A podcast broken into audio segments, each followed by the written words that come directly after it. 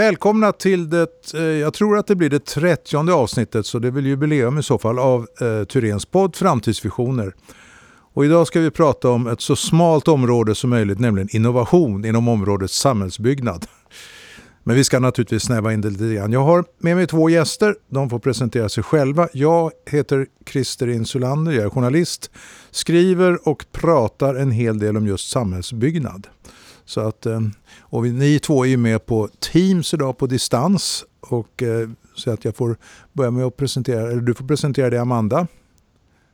Ja, hej Amanda Formatern, innovationsledare och strategisk kommunikatör. Nu senast på Lammetu Södra Utveckling i Härryda kommun och har tidigare jobbat på ett konsultbolag, eh, IMCG, som jobbade med just innovationsprojekt för hållbar stadsutveckling.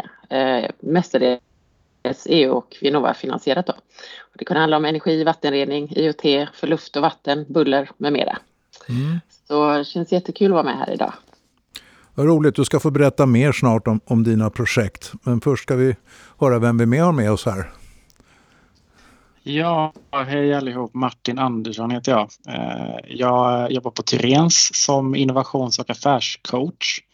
Sen har jag också lite extra ansvar för våra Eh, innovationsinitiativ som har koppling till lite mer externa samarbeten. Eh, annars är vi ju ganska internt fokuserade med att våra idéer som vi utvecklar kommer från medarbetarna främst. Men ibland samarbetar vi med externa partner också eh, och då är jag involverad även där.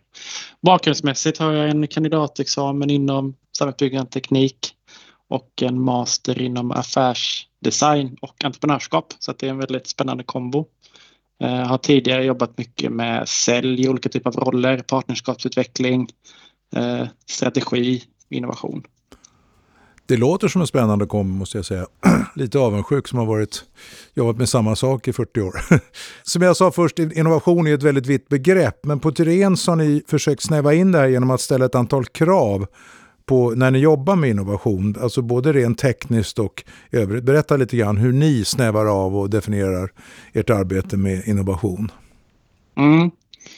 Alltså om man kollar på vad som skiljer innovation från en uppfinning så är det framförallt den affärsmässiga biten i det.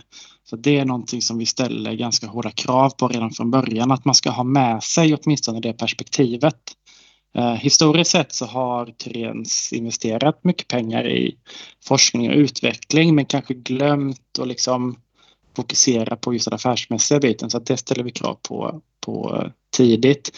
Vi eh, tror också på att eh, digitaliseringen som fenomen är liksom oundvikligt så att i många av de tjänsterna och eh, produkterna som vi utvecklar genom vårt innovationsprogram så ska det finnas någon form av tekniskt innehåll som också ska utvecklas.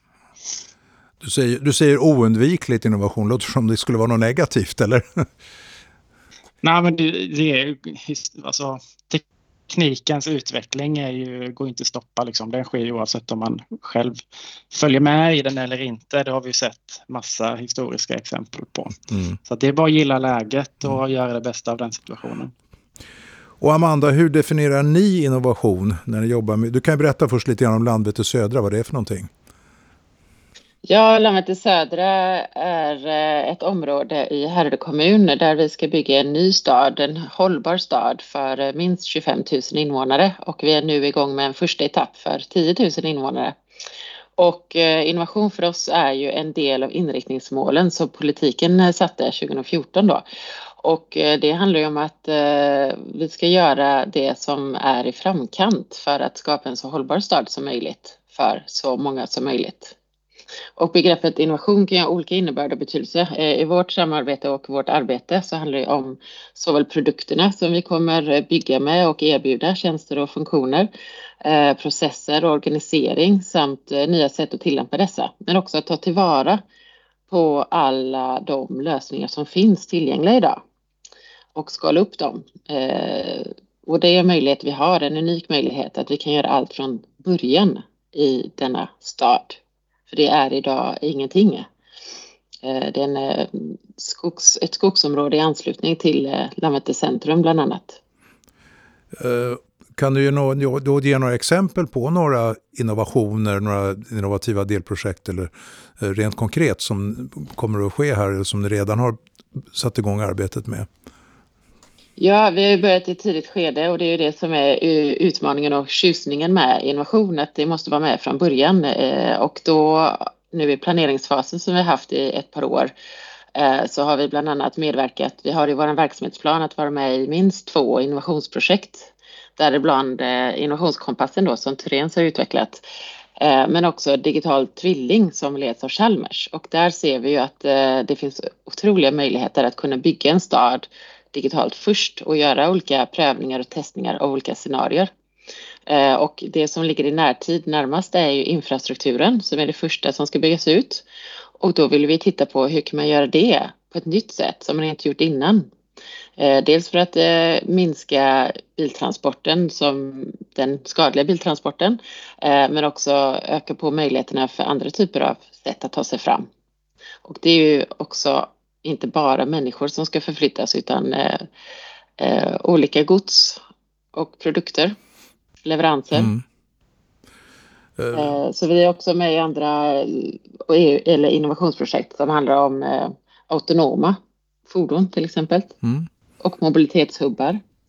Jag tänkte vi skulle prata lite om en liten stund om, just om, om kompassen här men först bara tänkte jag kolla med Martin. Alltså ni hur ser strukturen och processen ut när ni jobbar med innovation? För att jag vet att ni har ju liksom ett, ett, ett steg för steg som ni jobbar. Det lät lite spännande. Kan du mm. berätta hur ni jobbar där? Absolut. Egentligen börjar allting med att man som medarbetare hos oss fyller i ett formulär där man beskriver sin idé. Uh, där får man fylla i ett antal saker, bland annat vilket problem det är som man har identifierat, hur omfattande är det problemet? Hur ont gör det för den som upplever det?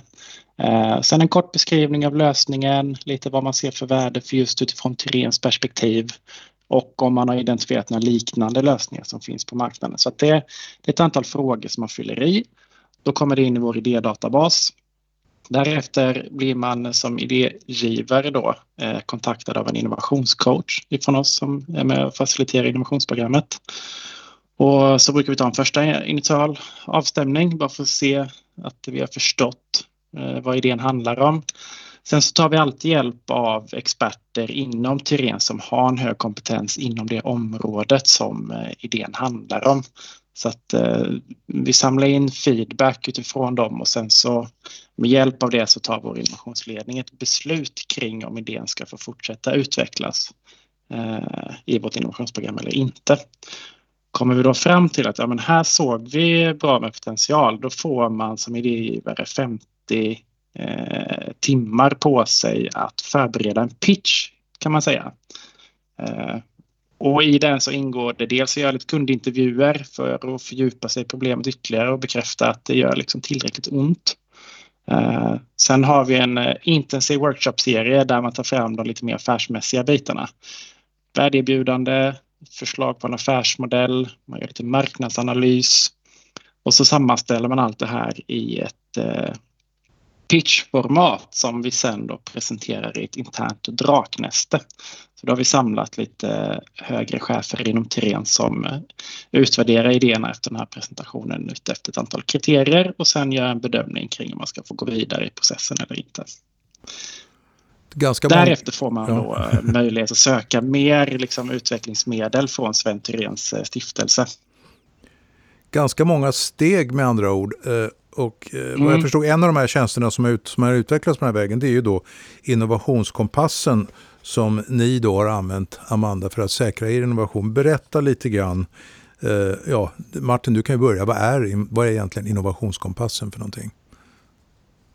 Precis, innovationskompassen är ju en av våra innovationer som har gått igenom alla de här eh, stegen och det är ju en iterativ process att man utvecklar lite grann så stämmer man av mot marknad och kund för att se att man är på rätt spår och sen så jobbar man vidare lite till. Liksom. Och innovationskompassen eh, handlar ju egentligen om att bedöma en organisations förmåga att vara innovativ och att driva innovativa projekt. Då kollar man på ett antal då parametrar som ligger till grund för eh, den bedömningen. Det är bland annat eh, hur ledarskapet fungerar, hur man jobbar för att realisera eh, den kommersiella potentialen i idéer, hur man jobbar med vision, högre syften, hur man sätter samman team och så vidare. Så det är delvis då den här kartläggningen av förmågan och sen ett antal ett batteri med åtgärdsförslag kring hur man kan höja sin förmåga och jobba mer strukturerat och så med innovation. Och Amanda, vad var det som fick er att eh, välja att arbeta med den här innovationskompassen? Ja, det var ju eh, en möjlighet som vi fick eh, att eh, testa. Det var pilotfasen då och utifrån där vi befann oss i processen med den fysiska utvecklingen så valde vi ett lite annorlunda grepp kan man säga. Eh, och som Madeleine då på Tyrén snappade på. Eh, och det vi valde var att titta på ett avgränsat område eh, kring innovation. Ett område som är prioriterat i vår strategi då och det är mobilitet. Och vi hade ju ingen befintlig arbetsgrupp utan innovation leds, leddes då av oss på Landvetter Södra Utveckling. Men det vi ville testa var att se de här externa aktörerna som behöver ingå i utvecklingen av hållbar mobilitet. Eh, så det var inte en befintlig arbetsgrupp internt utan vi satte samman det externa och eh, bland annat då Västtrafiks innovationsexpert. Eh, där har vi oftast hönan och ägget med kollektivtrafik till exempel. Vi vill se, kan vi titta på ett nytt sätt? Och hur behöver vi sätta samman gruppen för det? Vi hade med Swedavia, näringslivsenheten i Härryda kommun och Johanneberg Science Park som jobbar också med innovationsprojekt. Och eh, det vi landade i var väl att eh, sätta upp tydliga delmål, eh, tydliga roll och ansvarsfördelning och struktur för test och utvärdering av idéer. Så mycket det som eh, Martin nämnde här nu då. Eh, och där är vi ju mer nu i år att eh, sätta tillsammans med våra konsortieparter då. Det är fem exploatörer vi har med oss. Ni, ni är, ju, är ju väldigt tidigt i utvecklingen av stadsdelen, men kan man dra några slutsatser av hur det arbetet av innovationsarbetet och kompassen har fungerat hittills? Har det varit till nytta tycker du? Ja, men den nyttan som den gav var kanske oväntad. Men eh, det var just det här att eh, ha dialogen med de här aktörerna och det kunde man haft ändå. Men nu blir det just kring innovationer. För vi ser ju att det kommer att krävas en hel del innovationskapacitet för att lyckas med vår höga vision. Och att de här eh, parterna bland annat måste ju ingå på riktigt. Så att eh, det bidrog till att vi eh, fick utrymme att ha dialog och göra en SWOT bland annat då. Och också identifiera, men hur ska de olika aktörerna delta och när? Så det har vi med oss nu när vi ska sätta en intern arbetsgrupp också då, för de kommer vi behöva jobba med också externt då. Just det, och ni, och ni på Landvetter Södra, ni beslutade om innovationsstrategi redan 2019. Vad, vad, du har ju nämnt det tidigare, men vad skulle du säga är de största drivkrafterna där?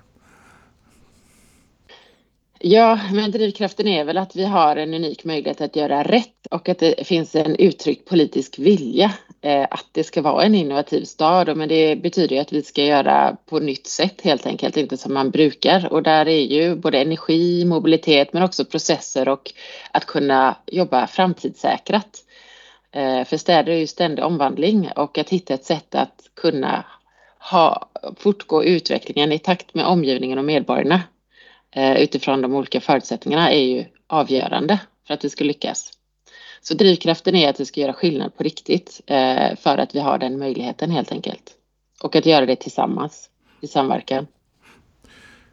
Mm, och, och då pratar vi naturligtvis nytta för hela samhället. För att vi har ju, Martin, du pratade tidigare just om, om att, eh, att det måste finnas en, fär, en affär, att det måste vara värdeskapande. Men det, vi pratar ju det som kanske om, om kunden, men sen även om samhället i stort. Hur, hur, hur säkrar vi att vi skapar nytta för hela samhället? Jag kastar ut frågan det... till er båda. Ja, men det är en jätteviktig fråga som man behöver återkomma till och reflektera kring eh, hela tiden kontinuerligt. Eh, och för oss är det viktigt att det aldrig finns en trade-off mellan vad som är affärsmässigt gångbart och vad som är liksom hållbart utifrån eh, kanske mer ekologiska och sociala aspekter också.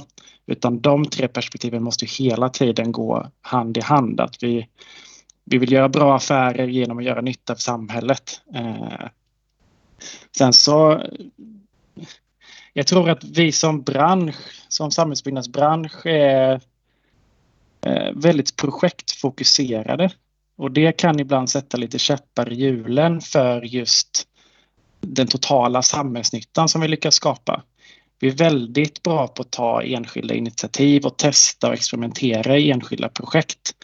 Eh, men det är sällan det når en större skala. Så jag tycker att det här som ni gör i Landvetter Södra, Amanda, är jättespännande. För då tar ni ett större grepp. Ni kollar på en hel stadsdel istället för kanske på en enskild fastighet. Eh, så att jag tycker det är ett jättebra exempel på, på hur man kan göra för att jobba med den här frågan. Känner du igen den problematiken, Amanda, som Martin beskriver här? Ja, oerhört mycket och eh, framförallt från mitt tidigare yrke eller jobb på IMCG då var det ju projektdrivet och eh, när projekten var slut så var också finansieringen och budgetåret slut för behovsägarna som i det fallen då ofta var kommunen. Eh, och det, nu sitter jag i kommunen och eh, ser ju att det är en utmaning just det här med uthålligheten eh, och att man har ständigt tillförande av kompetens och gemensam förståelse för vad som krävs för att lyckas verkligen och de här olika kompromisserna. Det är en ständigt pågående kompromiss och som du säger med affärsmässigheten, det är oftast där man får törna på um, storheten om man säger för att genomförbarheten kanske visar att nej, men det kommer kosta mer än vad det ger på kort sikt. Mm. Att absolut, jag håller fullständigt med om att det här projektinriktade är sårbart. Men där finns ju en rad satsningar nationellt också, både på SKR och Vinnova med att också kompetensförsörja i, i just innovationsledning. För att det måste sitta och vara en del av kärnverksamheten. Det är ingenting man gör vid sidan av ett, mm. en kort tid och för oss handlar det om systemperspektiv. Som ni säger, inte bara en stadsdel utan hela systemet ska synka ihop. Och gärna med det utanför vårt byggnationsområde också då på sikt. Så att mm. får... Vi har ju nämnt här innovationskompassen. Och kan du Martin göra fler exempel på produkter eller tjänster som, som eh, ni har utvecklat och som just bidrar till en hållbar samhällsnytta? Absolut, vi har ju ett eh, gäng exempel som har kommit ganska långt eh, i vårt innovationsprogram nu. Bland annat så har vi en tjänst som vi kallar för Flowmapper som är fokuserad på kollektivtrafiken. Där jobbar vi med kollektivtrafikhuvudmännen eh, för att nyttja data på ett bättre sätt. Eh, så att vi samlar in data i realtid för att också kunna ruttplanera på ett sätt som är mer anpassat efter eh, trafikflöden. Eh, och också för att kunna erbjuda tidtabeller exempelvis som är eh, baserade på hur trafiken eh, är liksom i, i, i realtid. Så det är ett exempel. Mm. Har du något annat exempel på någon eh, innovativ tjänst som bidrar till samhällsbyggnaden som ni har utvecklat inom ert program? Ja, vi har en tjänst som heter SmartMass bland annat som har eh, tagits ända fram till lanseringsfasen i vårt innovationsprogram nu. Där man har tagit fram en beräkningsmodell för hur man kan jobba mer effektivt med eh, massor när man ska schakta och eh, transportera bort dem. Så de har en beräkningsmodell som kan tydliggöra dels att man kan spara alltså 30-40 procent av kostnader samtidigt som man når eh, liksom en minskning av koldioxidutsläpp upp till liksom 60-70 procent. Det är ett så här jättetydligt exempel på hur vi kan kombinera både den affärsmässiga aspekten med den eh, ekologiska hållbarheten. Det låter ju jättespännande. Det låter som ett ämne för en egen podd. I alla fall för mig som är så intresserad av de här frågorna. Alltså man måste ju hela tiden hålla igång och vad heter det, ligga på för att innovationen inte ska stagnera, att man glömmer bort det när man, som säger, man hamnar i projekt där man bara kör på. Vilka är de största utmaningarna? Problem slash utmaningar för att eh, innovationen inte ska stagnera och komma i andra hand. Vad, vad säger ni? Ja, jag tycker att eh, ett bra exempel på att skapa en struktur för det är Ericsson. Jag undrar det finns kvar, men eh, tidigare vet jag att de hade en, eh, ett garage, en garageverksamhet. Och det liknar lite det ni har på Tyréns, tror jag. Just det här också när det är stora, tunga förvaltande organisationer i mångt och mycket för att eh, jobba med det som ligger i kärnverksamheten. Men att också då tillåta och snabbt kunna plocka upp nya och eh, mer effektiva och bra lösningar. Så då jobbar de ju ofta med att ta in sådana, ja, som ni tog in medarbetare på Turén så tog de in externa aktörer, eh, utvecklare, innovatörer, pitcha och eh, hade en, ett system för att snabbt kunna satsa på dem om de bedömde att det var relevant. Istället för att vänta in att det skulle sätta sig i organisationen, ett stort förändringsarbete, tolerans, acceptans, så hade de ett, en struktur för det. Och det tror jag man kan lära mycket av. Att ha en, slags hubb eller eh, ja, eh, innovationslabb av något slag där man snabbt kan liksom utvärdera och iscensätta också då i samhällsbyggnad. Det tror jag är avgörande. För, för stadsutvecklingsprojekt pågår ju under så otroligt lång tid för det mesta. Eh, för oss handlar det om flera decennier och personer byts ut flera gånger. Eh, det finns ingenting som säkerställer att någon liksom eh, efterhåller den här innovationshöjden om man inte har byggt in det i en struktur då och säkerställer drivkraften oaktat personer då som är inne. Så mm. jag tror också kompetensfrågan är avgörande men också då förhållningssättet och att det ska finnas en struktur för det. Annars så kommer det falla på personer och det här klassiska eldsjälar, några som kan extra mycket. Det är viktigt, jag tycker det är en viktig poäng du gör där, just att man lyfter ut innovationsteamen på lagom avstånd ifrån kärnverksamheten. För tanken är att man ska utveckla någonting nytt och då vill man inte fastna i hur man arbetar idag eller liksom den administrativa eller ibland till och med byråkratiska verkligheten som man, som man sitter i vanligtvis. Samtidigt måste det finnas ett sätt att liksom föra tillbaka den här nya kunskapen och innovationen till verksamheten när det väl blir dags för det. Så Det är en jätte, jätteviktig fråga. Och sen så tror jag att vi behöver lite av ett mindset-skifte. Alltså på det här temat att vi är lite projektorienterade. Jag är ju ganska noga med att eh, liksom hänvisa till våra initiativ snarare än våra projekt. För att ett projekt har ett väldigt tydligt start och slut. När vi jobbar med innovation så ska vi se till att vi bygger någonting som också kan hålla över tid. Att det finns liksom en naturlig långsiktighet inbyggd mindsetmässigt i hur vi jobbar med det. Så att ett projekt tar slut, det gör inte våra innovationsinitiativ. Finns det några, jag tänker, några tekniska, jag tänker på, på upphandlingsreglerna till exempel som ofta, upp, ofta upphandlar timmar och att det är kanske är svårt att ta betalt för. Finns det några problem där rent i, i de, den processen som är ett, en, ja, kan vara begränsande för innovationsarbetet?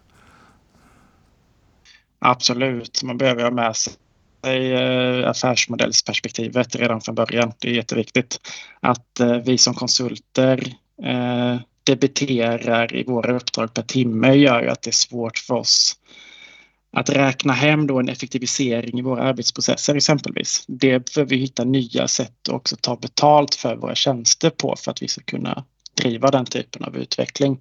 Sen så tror jag att när det kommer till upphandlingarna så det går att vinna upphandlingar även på mervärden och det kan vi se tydligt att eh, när vi nyttjar innovationer och nya sätt att tänka på så ger det också högre poäng mervärdesmässigt. Ibland i alla fall. Ja, det finns något som heter innovationsupphandling också. Vi har inte testat det själva än, men eh, det är någonting också som främjar möjligheterna att man kan eh, avvika från eh, den normala upphandlingsrutinerna på ett eh, fruktbart sätt. Det tror jag också är avgörande. Den har ju funnits ett tag och jag, jag, vet inte om vi har provat den heller men det kunde vara intressant att utforska liksom det förfarandet. Jag tror att det finns stora osäkerheter kring hur man, hur man kan nyttja det på ett bra sätt fortfarande. Nu går vi in i en lågkonjunktur. Vad kan vi göra för att innovationen inte ska tappa tempo här under lågkonjunkturen när man kanske mer liksom, eh, går in på liksom enskilda sakfrågor. Och finns det något av pandemin vi kan lära oss för att fortsätta hålla tempot uppe? Ja, alltså när det kommer till lågkonjunkturen så tror jag att det är ju snarare en drivkraft för att innovera snarare än tvärtom. Eh, och affärs, det affärsmässiga perspektivet blir ju än viktigare att lyfta fram redan från början. Men om vi kan visa att eh, det är ekonomiskt mer fördelaktigt att göra på det ena sättet än det andra, då finns det också ännu starkare incitament just under en lågkonjunktur för att våga testa den typen av nyare lösningar. Vi har två exempel på innovationer som vi håller på att utveckla nu i lite tidigare skede. Eh, den ena handlar om att tydliggöra förhållandet mellan en kostnadsbedömning och en förväntad värdeökning för en bit mark i ett väldigt tidigt skede av planprocessen. Just för att minska den här risken som det kan innebära att gå in i exploateringar eh, tidigt. Eh, och så har vi också en modell som, eller innovation som jobbar med mobilitetsutredningar där man kan få ner ett p-tal för en viss bostadsexploatering då eh, och därigenom spara väldigt mycket pengar genom att inte behöva bygga lika många parkeringsplatser. Intressant. Jag, tycker, jag tror det är en nyckel, eh, nyckelfråga du säger där, eh, just det här med att visa på affären och värdeökningen, för det tycker jag man ofta möter på för hos personer som inte har jobbat med innovationer, att man ser att det tar så lång tid innan man ser värdet och att kunna visa på det och skapa förståelsen för att det kommer löna sig på sikt eh, är mm. nog avgörande faktor för att också få med fler på tåget tror jag, att, att våga satsa och framförallt under lågkonjunktur. Så lågkonjunkturen, ja, det, det, är en, det är en möjlighet, inte ett hot på det sättet?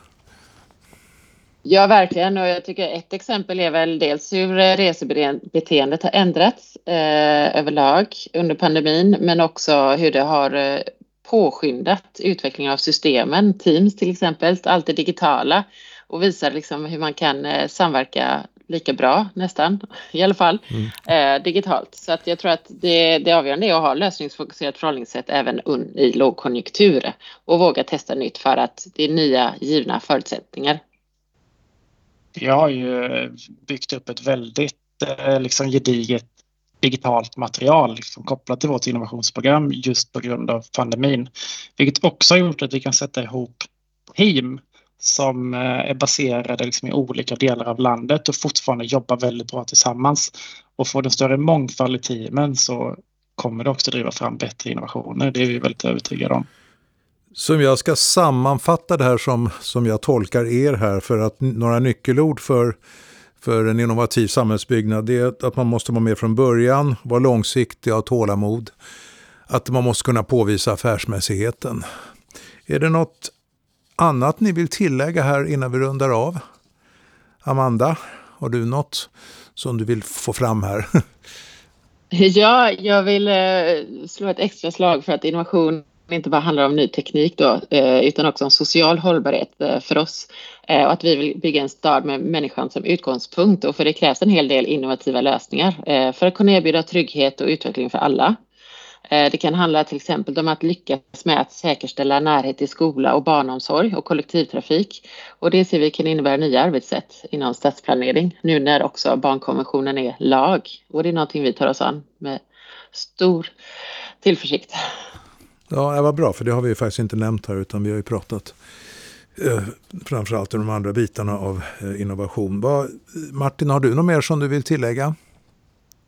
Ja, jag tror att vi behöver bli ännu bättre på, det tjatas mycket om att vi ska samverka, men jag tror att vi behöver, det finns mycket utvecklingspotential fortfarande att agera på där.